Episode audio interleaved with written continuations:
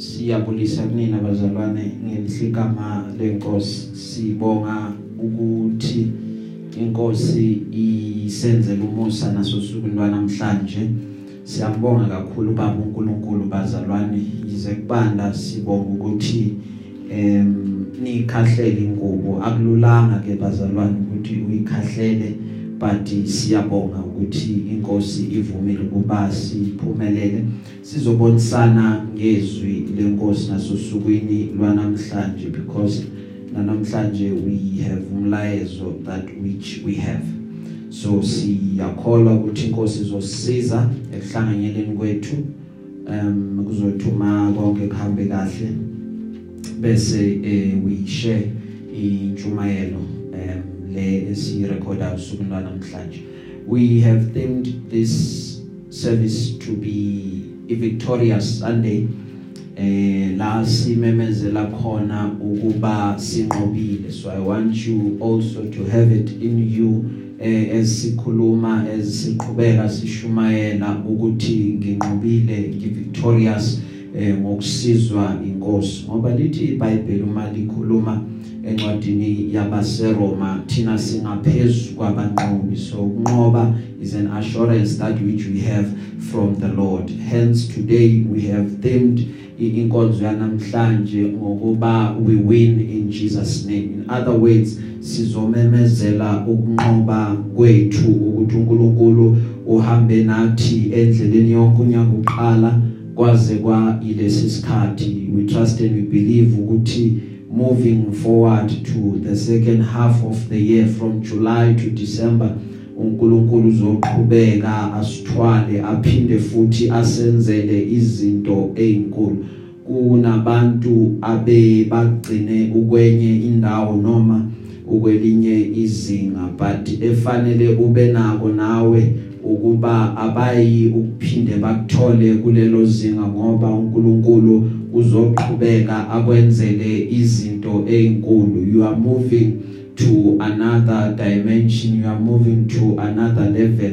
You must always have that so that you do not remain umntwana kaNkuluNkulu o stagnant but ube umntwana kaNkuluNkulu one growth okhulayo. Hallelujah. Amen.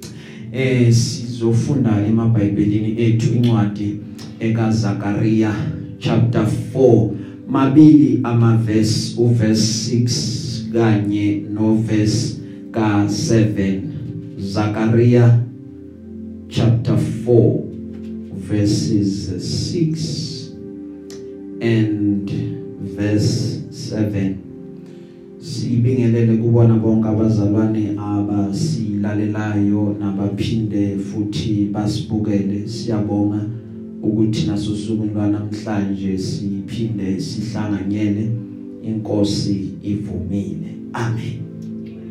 Eh kithina ke bazalwane we always trust and we believe ukuthi inkinga noma zingabanjani but inkosi izohlala yenza indlela. So namanje we do not doubt um, not even kancane. We don't second guess.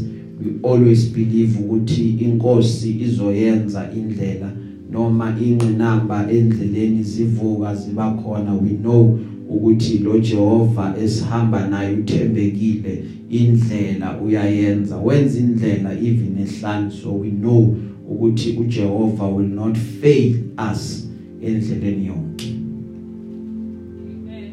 Zakaria chapter 4 sizongena ezweni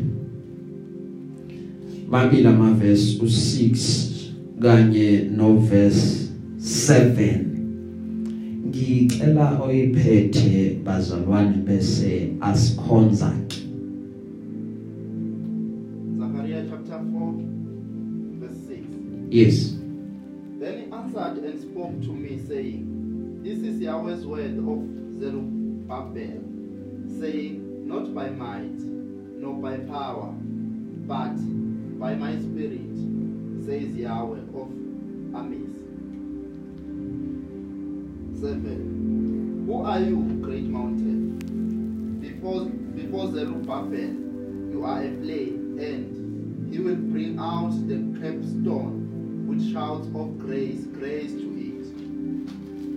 it Hallelujah. Liphethe ngolunye ulimi asikhonze. Ngawe yakhuluma kimi yathi leli livi lasimakazele liya kuZerubabel lithi akuyingetikhwepha nangemandla kodwa kuya nga- ngamoya wayo kusho simakade lomsomandla. Uyini wena wena thaba lenemandla embi embi kwaZerubabel uyawuba lithafa lelibekile yena ke uyawubeka litshe lokwephetha lithempeli umenyedwe kuthiwe uNkulunkulu akalibusise uNkulunkulu akalibusise haleluya. Sizovala namehlo ethu bazalwane. Baba we thank you. Namanje umuhle ulungile uthembekile. Wena wedwa Nkosi awufaniswa ulinganiswa nalutho. Umhlaba wonke udumisa udusa ubabaza igama lakho. Izwi lakho liqhamuka kuwena uyalithumela. Maqeda bese uyalinda ulonde ukuba ulenza libuyeli kuwena lilambatha libuyeli kuwena Nkosi lingawenzanga umsebenzi. Lifana nemvula e- ethuma ifika imanzise umhlabathi. Namanje siyakholwa siyathemba ukuthi seliphumile ngamandla alo Nkosi einhlizweni zethu empilweni zethu. Uyakwenza umsebenzi. It will not return to you void. Busisa ke Nkosi bandla lakho. Yonke indawo labantwana bakho bayithola bekhona siyaleza isibusiso nakukona konke Nkosi abakuthintayo. Ngelihle igama elinamandla lika Jesu Kristu lo inkosi yethu. Amen. La sifunda khona sifunda indaba which is uh, quite interesting in the word of God about uh, the servant of the Lord uZerubabel lithi ke iBhayibheli uma silifunda uZerubabel ubekade ayilida eJerusalem and ubekade enomsebenzi wokuthi ayokwakha ithempeli.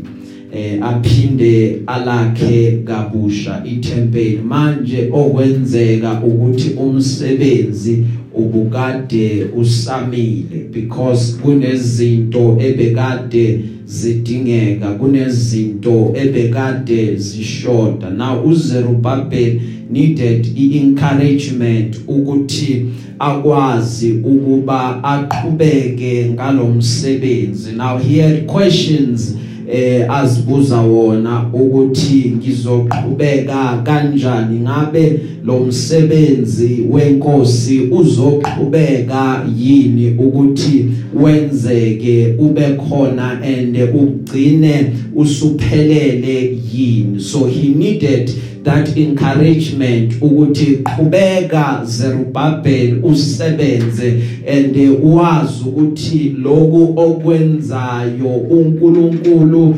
akafuni ukuthi ucabange ukuthi kungamandla noma kungengekhwepha noma kungempi but ufuna ukuthi wazi ukuthi lokhu okwenzayo it is by his spirit because we need to understand ekwenzeni kwethu ukuthi konke lokhu esikwenzela inkosi akukona ukuba thina sinamandla wokwazi ukwenza izinto. Kuyi ngeyikhwepha zethu ukuthi ngingakwazi ukwenza nako ngoba sometimes umuntu uyaba nawamandla but abone izinto zingahlangani ngendlela becabanga ukuba zizohlangana ngayo. Because when it comes to the things of the Lord uNkulunkulu is not even moved by amandla umuntu anawo. uNkulunkulu is not moved by ama resources anawo ungaba nawo abemaningi but uNkulunkulu akayi ngaloko ukuthi nangu umuntu unama resources so that uma sekwenzeka kuba successful umsebenzi wenkosi kungabi khona umuntu ozobe ayishaya izandla noma eh ayigqaja ngokuthi ngikwenzile lokhu yingoba mina vele nginamandla. That is why lithi iBhayibheli uNkulunkulu uthatha izinto ezidelelekile ukuze azojabisa lezi zinto ezicabanga ukuba zinamandla so that kungabi khona lo ozoyibonga athi konke lokwenzakalayo kwenzeka ngamandla ami. So we understand ukuthi kahle kahle uma siza enkosini it is not by amandla ethu but it is by umoya kaNkuluNkulu because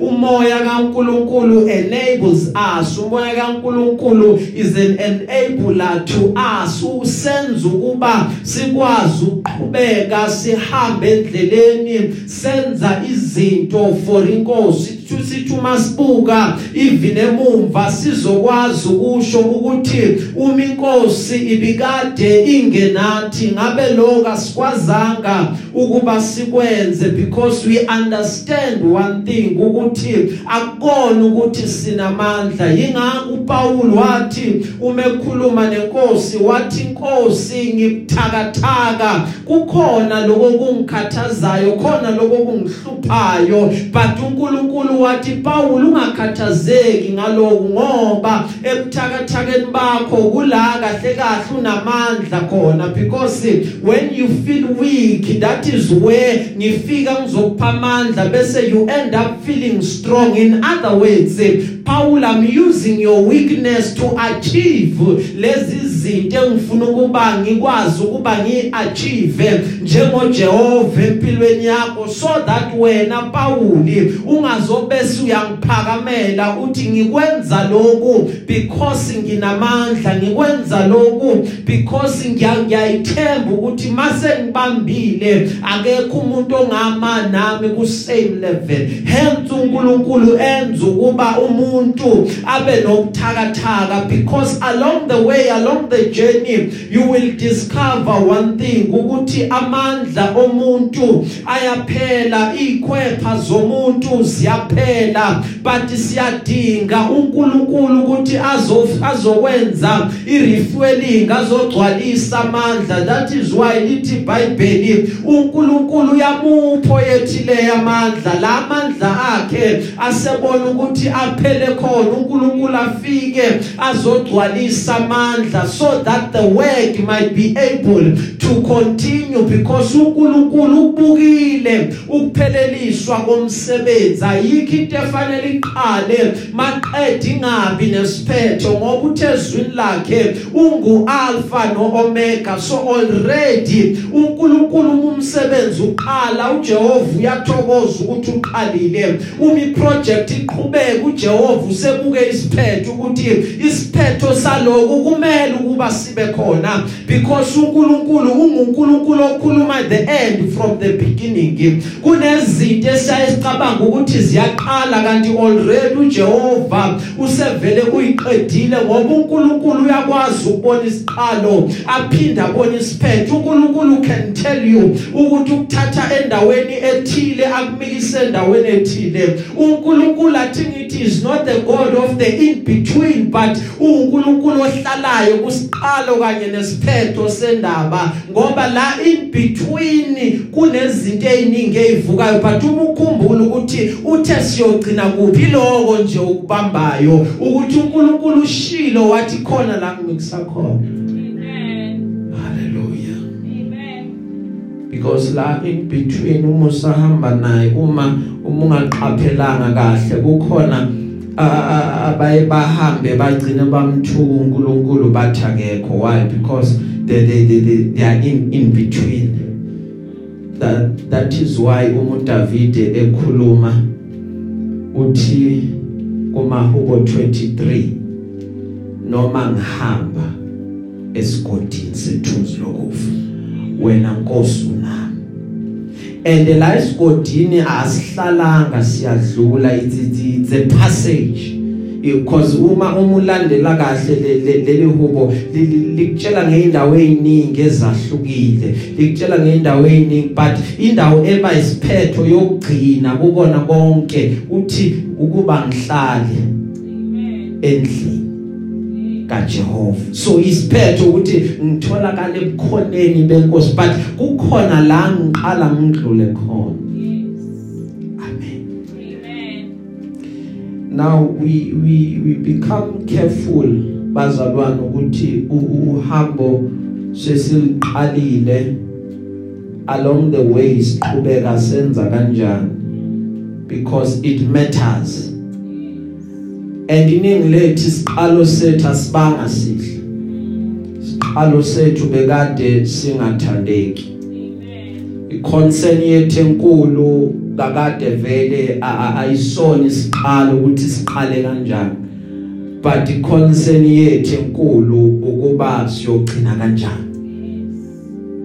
Ngiyazwelana nawe oqale kahle but uma ugcina ugcine kabi ngiyazwelana nawe oqale enkosini but ngenxa yobude bendlela njengalo yamzalwana omunye bekade ehamba noPaul uthi uPaul ume ehlukana naye uthi lo yamzalwane ubona ukuthi abuyele ezweni. Iyalimaza leyo nto ukuthi ubeqale kahle alamkelile ivangeli. But along the way wathi this is too much for me to handle. Wagcina kubona ukuthi rather ngibuyele ezweni. So umkhuleko wami uthi inkosi sisize ukuthi singaqali kahle sigcine kabi. Nkosi sisize ukuthi noma sesiqale kabi isiqalo sethu singathandeki but isiphetho sethu sibe sihle. Kube i kind of isiphetho othi uma usibuka Jehova maqeda ujabule ngathi uthi waze wagcina kahle.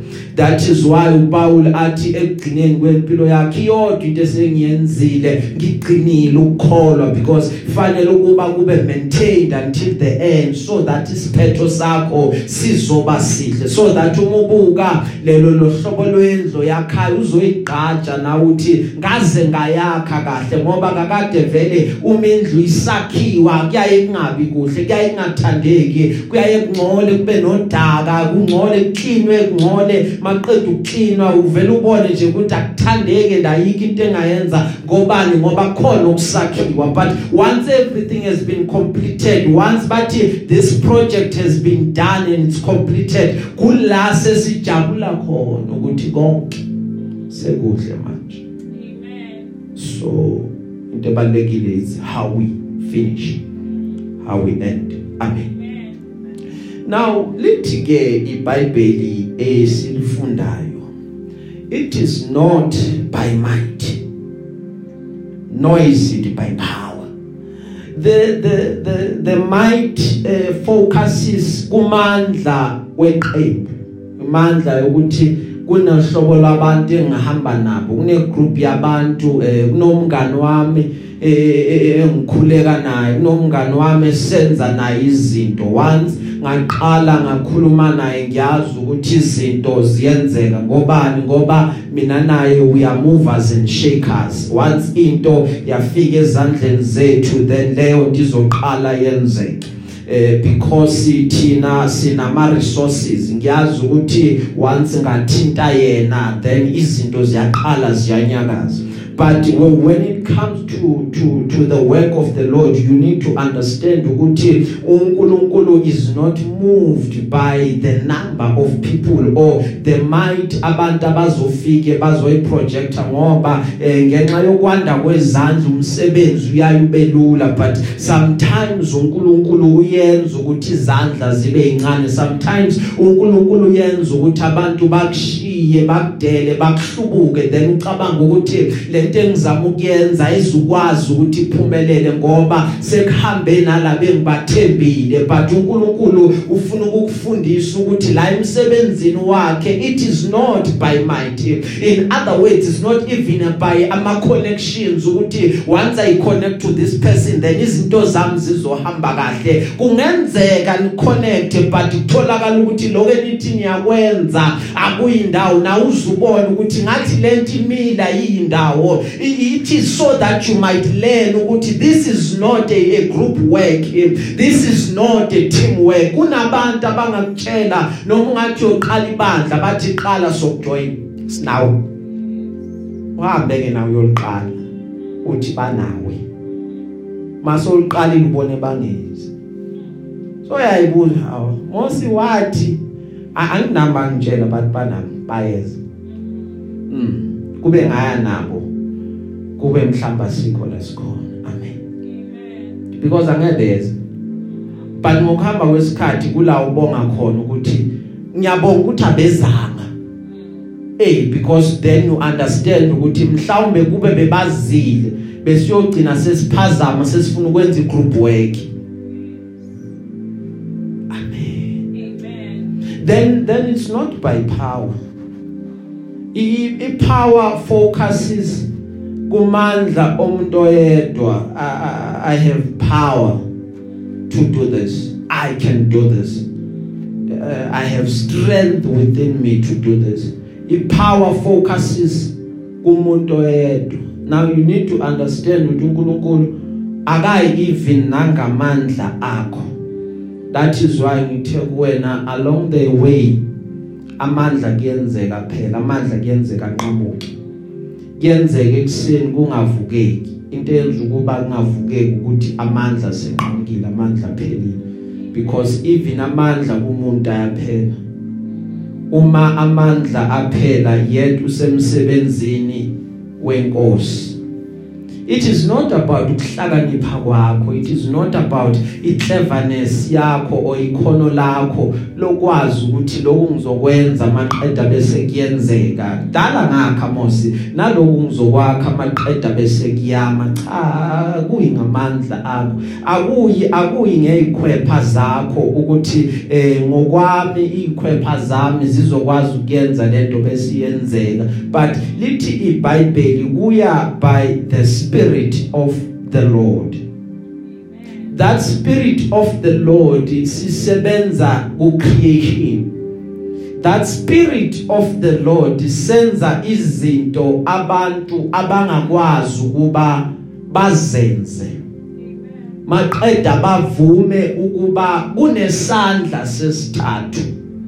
That spirit of the lord isona kanye esenza uNebuchadnezzar afake amadoda amathathu athume qeda ukwafaka uma sekhuphule itemperature yomlilo wayiphinda kawu7 maqeda wabuyela emlilweni wayohlola wathi ay man kanti sifaka amadoda amangaki bathi kuyena bewakade amathathu Nkosi wathi a a sengibona kunendoda yesine wathi ake kubhekwe incwadi kuphenywe incwadi ukuthi mangakhi lamadoda ngoba ngikholwa kulento enishoyo ukuthi kufakwe mathathu but uthi uthi umese ithola iconfirmation ukuthi lamadoda ngempela bewakade amathathu uthi ngibona nowesine lo wesine unesimo sobunkulunkulu. So ukumbona kwami ungunkulunkulu ophakathi emlilweni and wenza ukuba lamadoda esiwafakile angashi but aqhubeke ahamba hambe ngobani? Ngoba it is the power that comes from the Lord. It is the power that enables abantu ukuthi bakwazi ukwenza izinto that comes directly from the holy spirit. It is that very same power eyenza ukuthi uma uIsrayeli egijinyiswa uFaro nabona bonke baseGibhithe. Lithi iBhayibheli uIsrayeli wathi umefika olwandle olubovu uNkulunkulu walivula bahambe emhlabe emhlabathini owomileyo. Bese lithi iBhayibheli uma uFaro ethi uyazama wangakhona ukuthi ahambe yena emhlabathini owomileyo. uNkulunkulu wabuyisa amanzi maqeda lithi iBhayibheli wehla from ezulwini wehlela phansi emanzini wakhumula amasondo weinqola zempi kaFaro maqeda uFaro wacwila emanzini it is the very same power ekwathiwa kuAbraham phuma ezihlotsheni zakho yezweni la ngizokukhomba khona. Wathi indlela yesa ngiyazi lithi iBhayibheli ubekade hambe ehlala ematendeni njengomfokazi lithi iBhayibheli wayeloke eqhubeke njalo noNkulunkulu bese lithi iBhayibheli olifundayo wathi uma eqhubeke njalo wathi uNkulunkulu ungakho uzozala ingane. Lithi iBhayibheli wambuka uSara wathi uma esembhekile wathi angisabona ongavela kuSara. But lithi iBhayibheli uAbraham believed God ukuthi uNkulunkulu lokakushilo uzokwenza and for sure uSara seka ku stage sokuthi she is as good as dead. Lithi iBhayibheli uNkulunkulu wenza ukuba azale ingane. Maqeda wabuya uNkulunkulu wazokhuluma kuAbraham wathi thatha ingane uyonikela ngayo. Lithi iBhayibheli azange msecond guess uNkulunkulu but wahamba wayomnikela. Uma sibuza Abraham waye uthatha ingane uyonikela ngayo kuNkulunkulu? Izelwe iyona yodwa. Uthi uAbraham meseyiphendulela i believe uNkulunkulu ukuthi uNkulunkulu owenza umkami who was as good as dead aconceive maqeda azala ingane. Is the very same God othi noma ingane yami ifile usimakada ngayivusa ngoba uAbraham wanyuka intaba nendodana eyodwa. Uma sebuye entabeni ubuya namadodana ayinkulungwana ngenakubaba Jesus. it is the same power. Eyenza ukuthi kuthathwe ingane ingane zibulawa uma ingane zibulawa ngenxa yobuhle bengane ingane ithandeka yathathwa yayofakwa yathungela ubasket yayofakwa emlanjeni. Kunama crocodile lapha. Abantu abaya kuloya mlamba babuye.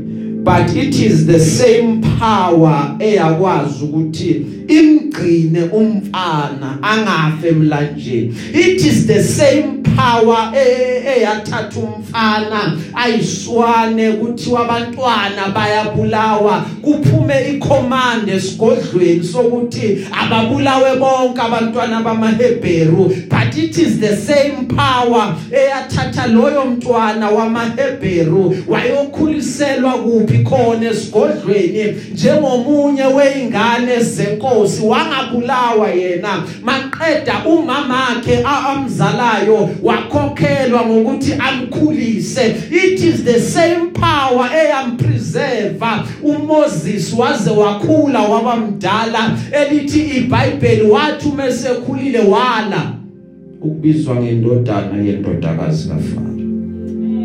It is it is the same power ekwathiwa Nkosi namhlanje ngifuna ukuthi babone ukuthi unguNkulunkulu onjani. Lithi iBhayibheli umprofeti kaNkulunkulu wadibana nabaprofeti bakaBhali. Wathi ake nimbize uBhali ehlisa umlilo.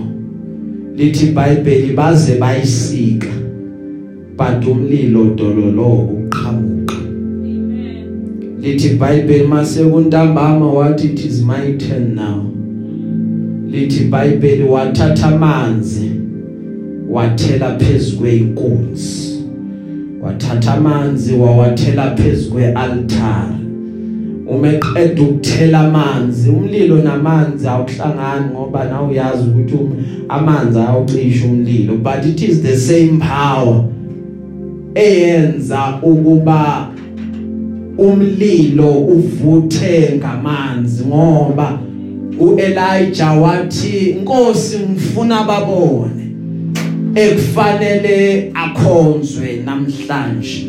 It is that very same power eyenza ukuba kuqhamuka umlilo uzoshisa umhlatshele bekade ubekiwe. That is the power of the almighty god. Makabongwe Jesu. It is the same power. It is the same power.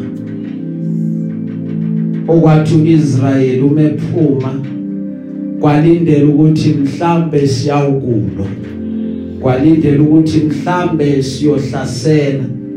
But lithi iBhayibheli iJericho lalikade livaliwe. iJericho lalikade libiyelwe kungekho ophumayo nongenayo. It is the same power elithi iBhayibheli bathu mabefika wathi uNkulunkulu kubona zungezani indonga zaseJericho nihamba hambe. Kungaphumi impi but niloku nihamba hamba nje. Bese lithi iBhayibheli osukwini luka 7 maqeda bese kuqhamuka indumiso kunina. It is the same power eyenza ukuba indumiso kaIsrayeli yenza ukuba indonga ziwele phansi. It is the same power. Glory be to God. It is the same power. Ekwathi uGideon wathi inkosi angiziboni nginamandla but kwakhulunywa izwi kuyena lathi wena uyiqhawe linamandla hambe empini. Wathi inkosi ngathi labantu ngiyabadinga laba baningi but inkosi yathi mabaphunguke labantu laba baningi kakhulu. Because inkinga ezokwenzeka ukuthi uma befika lapha empini bayocabanga ukuthi banqobe ngezikhwepha zabo kanti imina Jehova obaphumelelisile so ngifuna ukuthi amandla amabonakale uma nina Gideon nizosuka niye empini. It is the same power eyenza ukuthi izitha zakho zifike ngendlela eyodwa ihlanganyele ngawe uzwe ukuba bakhuluma ngawe ende bakhuluma kabi badibene ngegama lakho. But it is the same power eyenza ukuthi ungabanako uqhubeke uyikhonzela inkosi. The more uqhubeke uyikhonzela inkosi maqeda lezo zithe zize ngendlela eyodwa uyibone ihlukana ihlakazeka ngendlela ezisikhombisa it is the same power. It is the very same power ukuthi abantu bamelane nawe bathi bayakuzama bakhambele inyangeni bathi bayokuthakatha. Ekugcineni babuye bazothi wena uyathakatha. Kanti wena uthakatha uyayithandazela. Yibona abathakathana bakuzamile bahluleka. It is the same power that works in us. It is the same power eyenza izinto abantu abayibona zi-impossible. Maqeda bese lezo zinto ziba possible it is the same power eyenza ukuthi owesifazana ongazani nandoda akhulelwe aconceive maqeda zale indodana maqeda lithi iBhayibheli niyakumqhamba nithi Emmanuel okusho ukuthi inkosi inathi. Leyo ndoda leyo ndoda leni yakuyizala iyokusindisa zonke izizwe zomhlaba. It is the same power. Okwathi Lazarus esethuneni for 4 days. That very same power yafika yakhuluma yathi Lazarus come forth. Ukubola konke kwabuyele emuva. Iphunga labuyele emuva.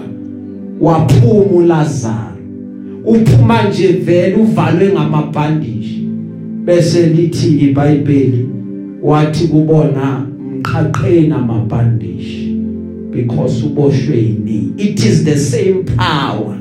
Elanda izinto eseyifile. Maqeda yenza izinto bese ziyaphila.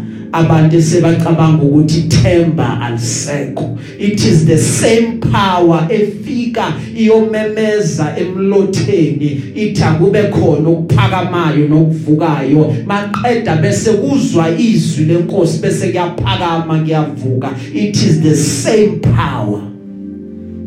That people don't have. But uNkulunkulu uyafika azos enable ukuthi sibe naleyo.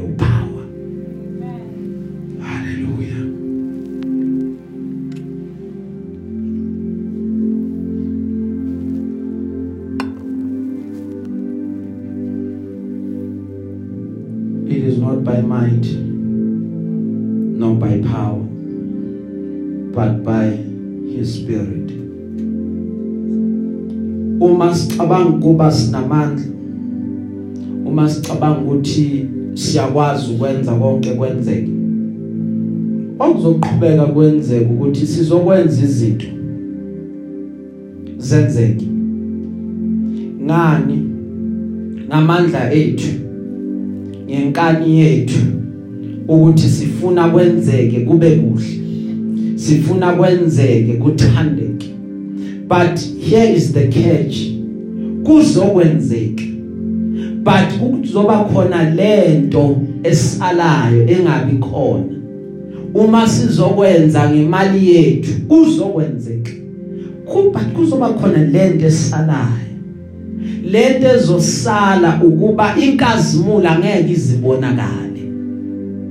In other words sizoba ibandla elinganayo inkazimulo sizoba a eh sizoba ibandla bathi li gorgeous lihle liyathande lihle. Sizoba bahle. Mara angeke size sibe glorious. Angeke size sibe namandla. Same as applies nabanye abazalwana amadodana kaSkiva. Lithi iBhayibheli uma likhuluma babona or bezwa about uPaulo okhipha amadimoni. Bese lithi iBhayibheli bathi lento uPaul ayenzayo nathi singayenza. Bahamba ke bayosukela amadimoni ayihlalele lapho wahleli khona.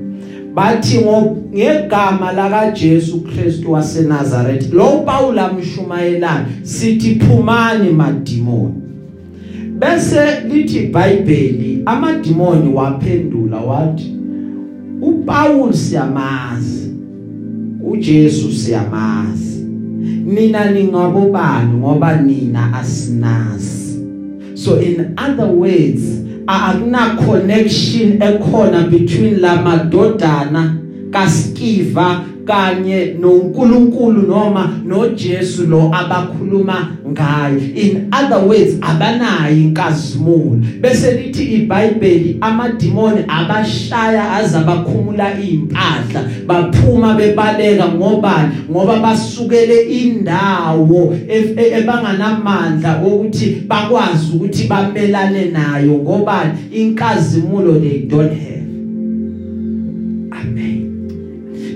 Why you need to understand ukuthi la la la la ekuhambeni kwethu la enkosini asenzi izinto ngoba sibona ukuthi sinamandla. Asenzi izinto ngoba sibona ukuthi we are able but senza izinto ngoba umoya wenkosi uphezulu kwethu ukuze inkazimulo kaNkuluNkulu izothi made manifest in us so that after sesishumayelile maqeda abantu baphile bathi siphilile ngoba sizwile izwi la kaNkuluNkulu eliphilayo eliqhamuka from his servant. Ingakho siphilile siuzwile umkhuleko. Unamandla kunezinto eseyiqhaqekile ngobani? Labantu abakhulekayo they are in rightful position or rightful standing nobaba uNkulunkulu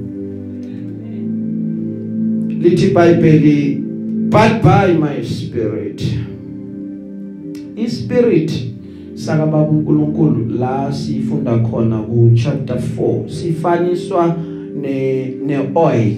Ioil eyenza ukuba amalambu eh ahlale akhanya eh because eh, umfanekiso ovelayo la eh kuvela umfanekiso wothi lwezibani eh so lawo malambu ukuze akhanye they need i oil. So i oil eh iwumoya oyingcwele iyafana eh, iba umoya oyingcwele.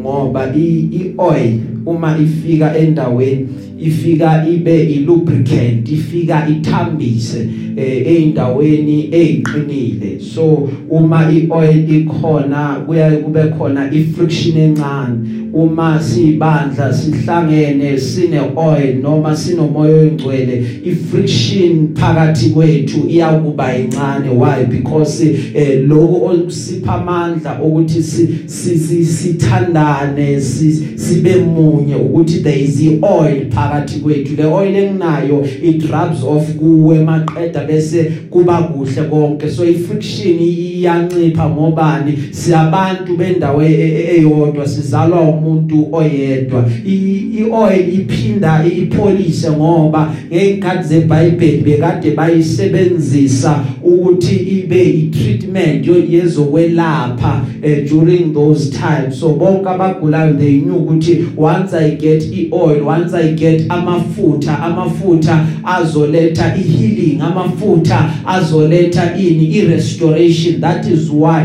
uh, James chapter 5 athi uma khona ogulayo eh bizana amalungu ebandla maceda nimgcobeni ngamafutha. Ngoba ngoba amafutha yiwona azokwenza ukuthi umuntu aphile maqeda abe restored ioil uma uma ishisiwe eh, ku lamp.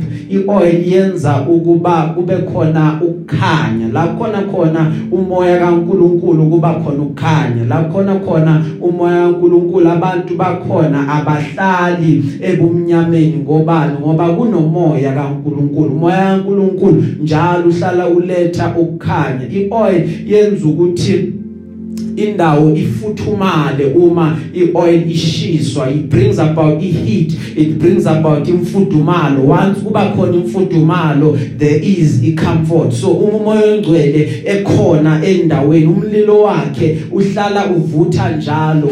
La sikhona akubandi asigodoli. Ngobani? Ngoba umoya oyingcwele it brings about iwarmth it brings about iheat and icomfort.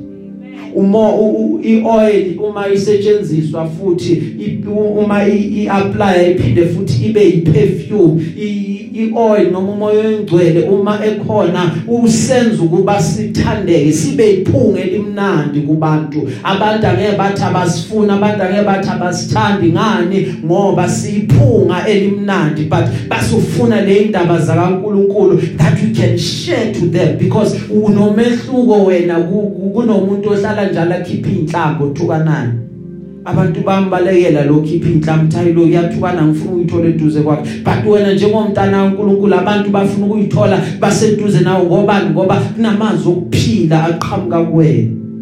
Uma uma ioil isetshenziswa iyaye yenza ukuba insimbi bese ziyachayina it brings about ukuthi insimbi zishine iqede any rust ekhona.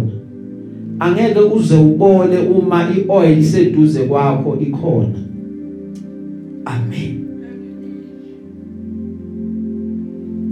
Lithi iBhayibheli la sifunda khona bazalwane. Verse 6 bayisithatha isho kemethi lokuyizwi lika Jehova kaZerubabel ukuthi kungabi ngempi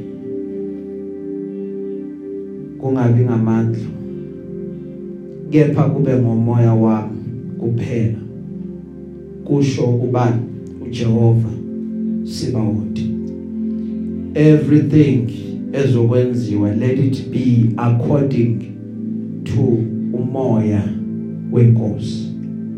Njengebandla sicela izinto eziningi. Sicela ukuthi inkosi umoya wakho awusihole endleleni yonke.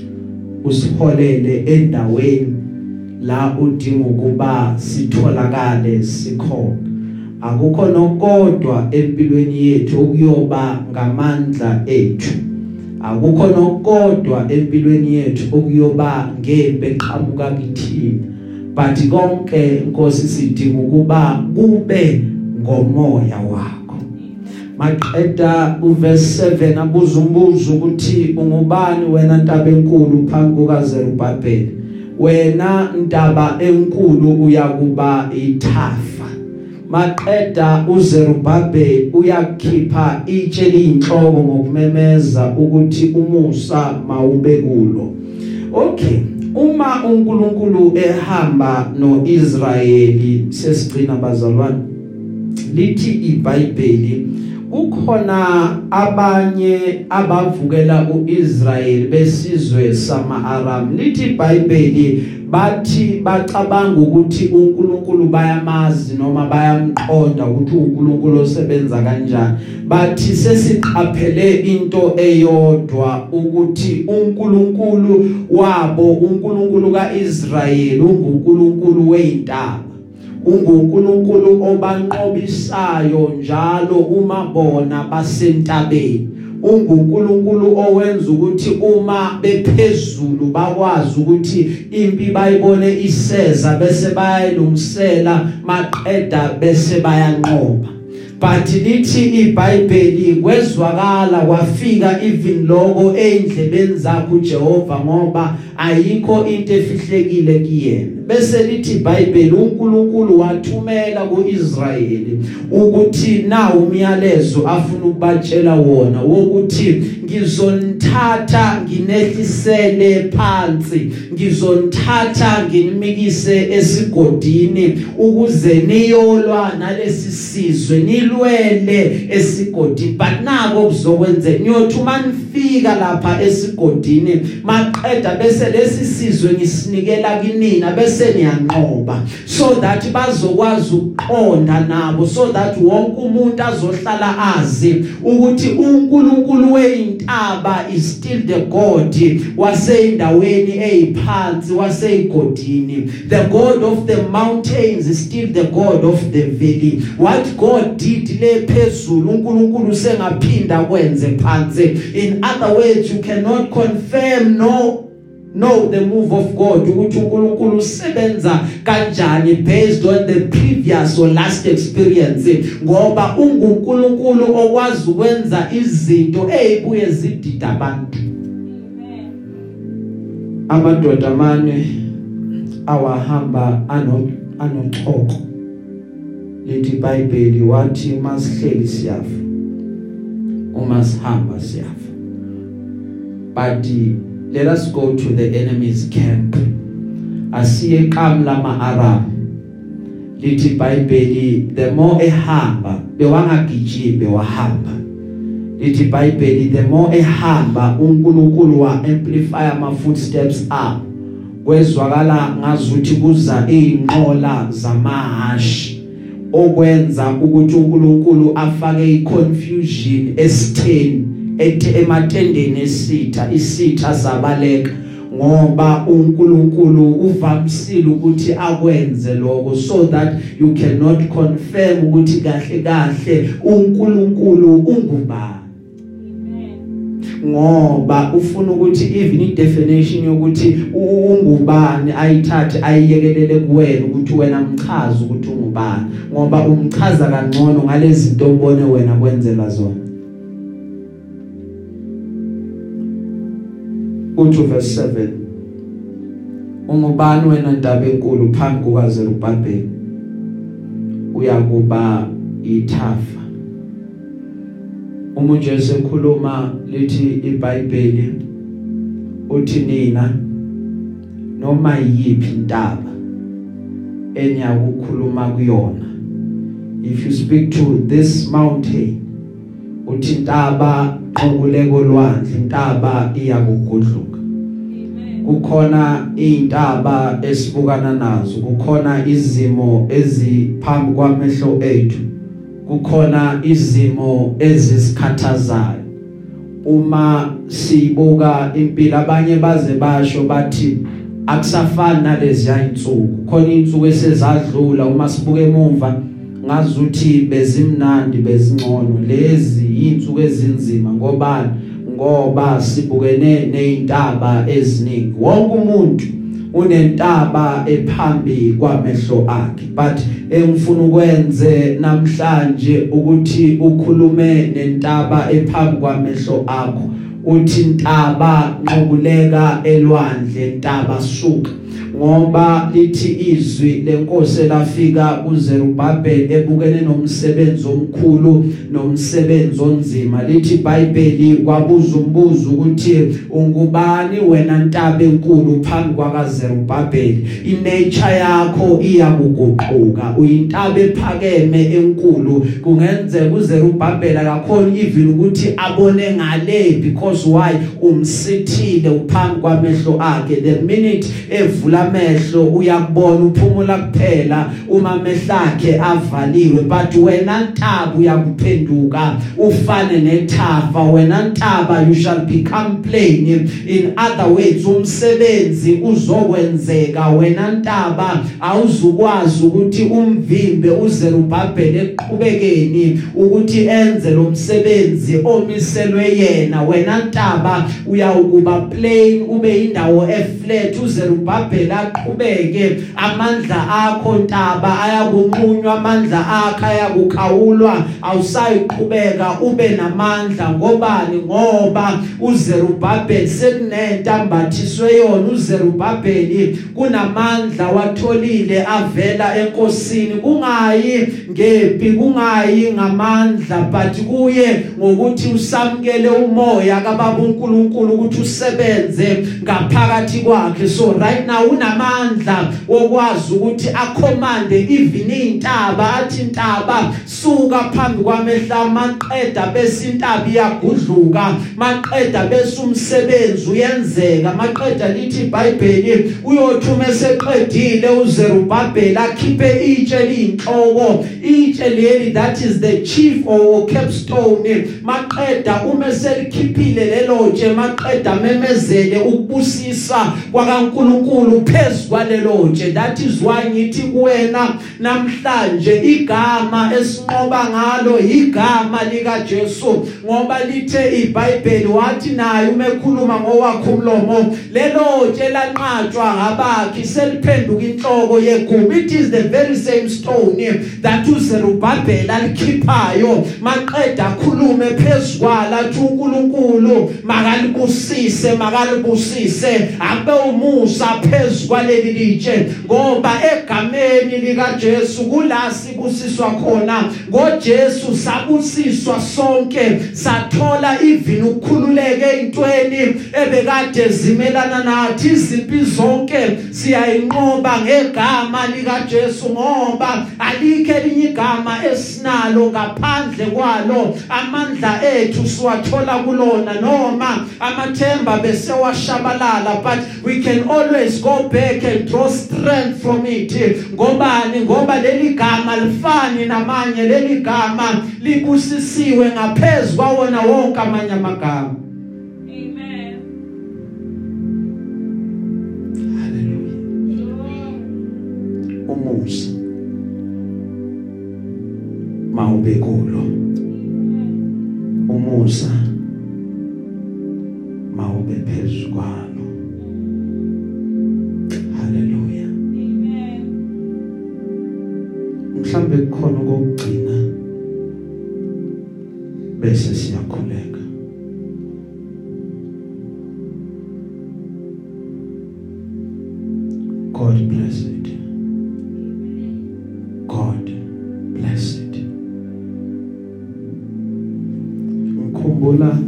uJesu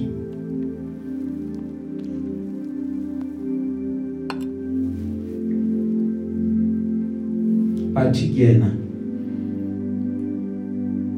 ubusiwe owesifazane wakuthwala. Babusiwe abasondelene nawe. Omunye waze wafisa wathi ngifisa ngazi ukuthi wazalwa yimi uJesu. Bathome baphendula uJesu wathi cha. Ababusisekanga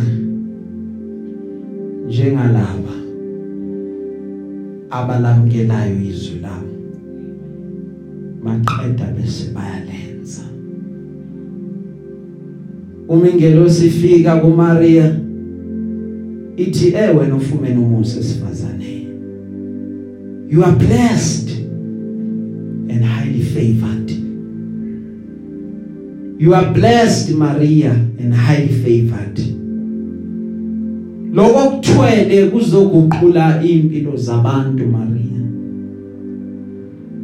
That is why kumenyezelwa phezulu kwaleli litshe ukuba uNkulunkulu azalibusisa. UNkulunkulu azalibusisa sizulu sithi umusa mawube kulo. Sithini swati make dlamini verse 7 last part.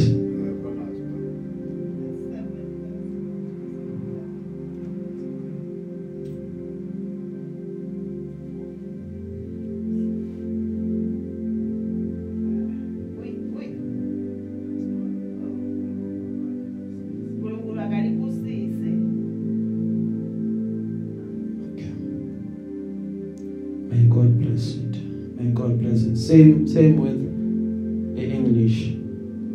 uNkulunkulu azalibusisa umusa mawube phezulu kwalo haleluya sesigcina ke bazalwane lo musa iwona osindisayo because sihamukele. Sifumana lo musa ovela egameni lenkosi. Ngifuna ukuthi sivale amehlo ethu.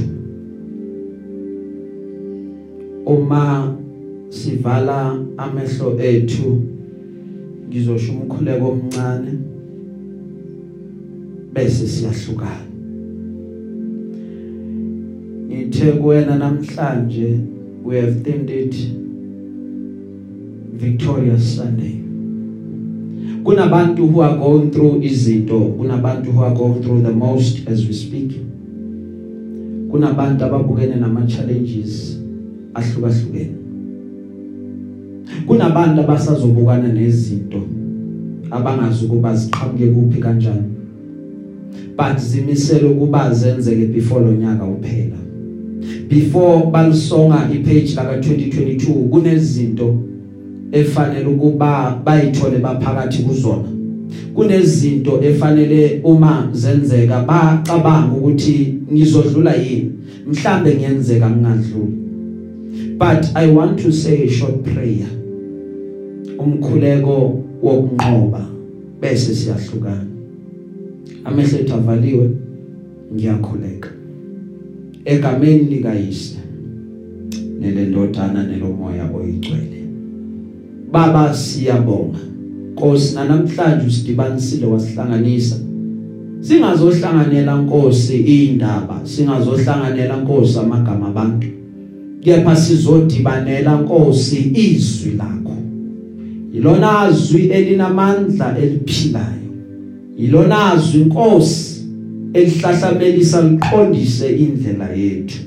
Siyakubonga ke ngalo namhlanje sibonga indlela Nkosi okhulume ngayo sikunikeza lonke udumo. Sithi Nkosi ibongo zonke zingezakho naba abantwana bakho eindaweni ezahlukahlukene Nkosi nazi izimo zabo ababukene nazo ngokwahlukahlukana. Ezinye uNkulunkulu wami zisalungiswa. Ezinye Nkosi zisaphekwa. Baba siyabakhulekela ukuba Nkosi uzubadlulisa Baba sikhulekela ukunqoba kwabo that which you have assured in your word. Ngoba ushile ezwini lakho wathi Nkosi uma wena ungakithi ubani ongamelana nathi? Ukhulumile Nkosi ezwini lakho Father God Almighty. Wathi asikho nesodwa isikhali esingamelana nathi. Baba ukhulumile ezwini lakho wathi thina singaphezulu kwabanqobi. Baba siyabonga siyamkela amandla vela kuwena. Siyakhumbula ke Nkosi ukuthi endleleni yonke it is not by might it is not by power but it is by your spirit.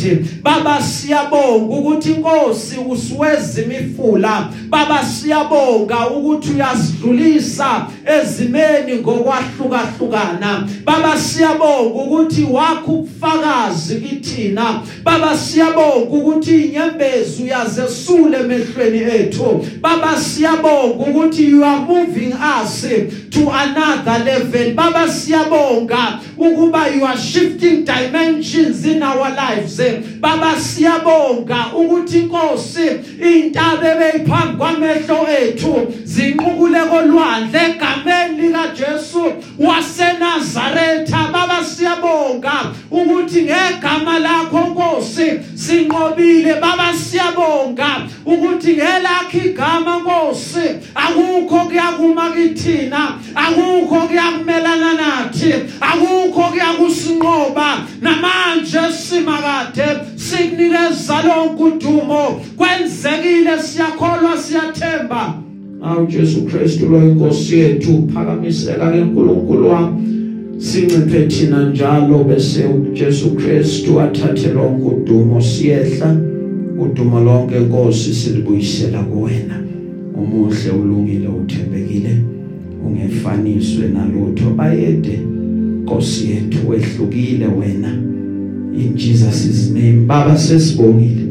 Ngawo Jesu Kristu lo inkosi yethu. Amen.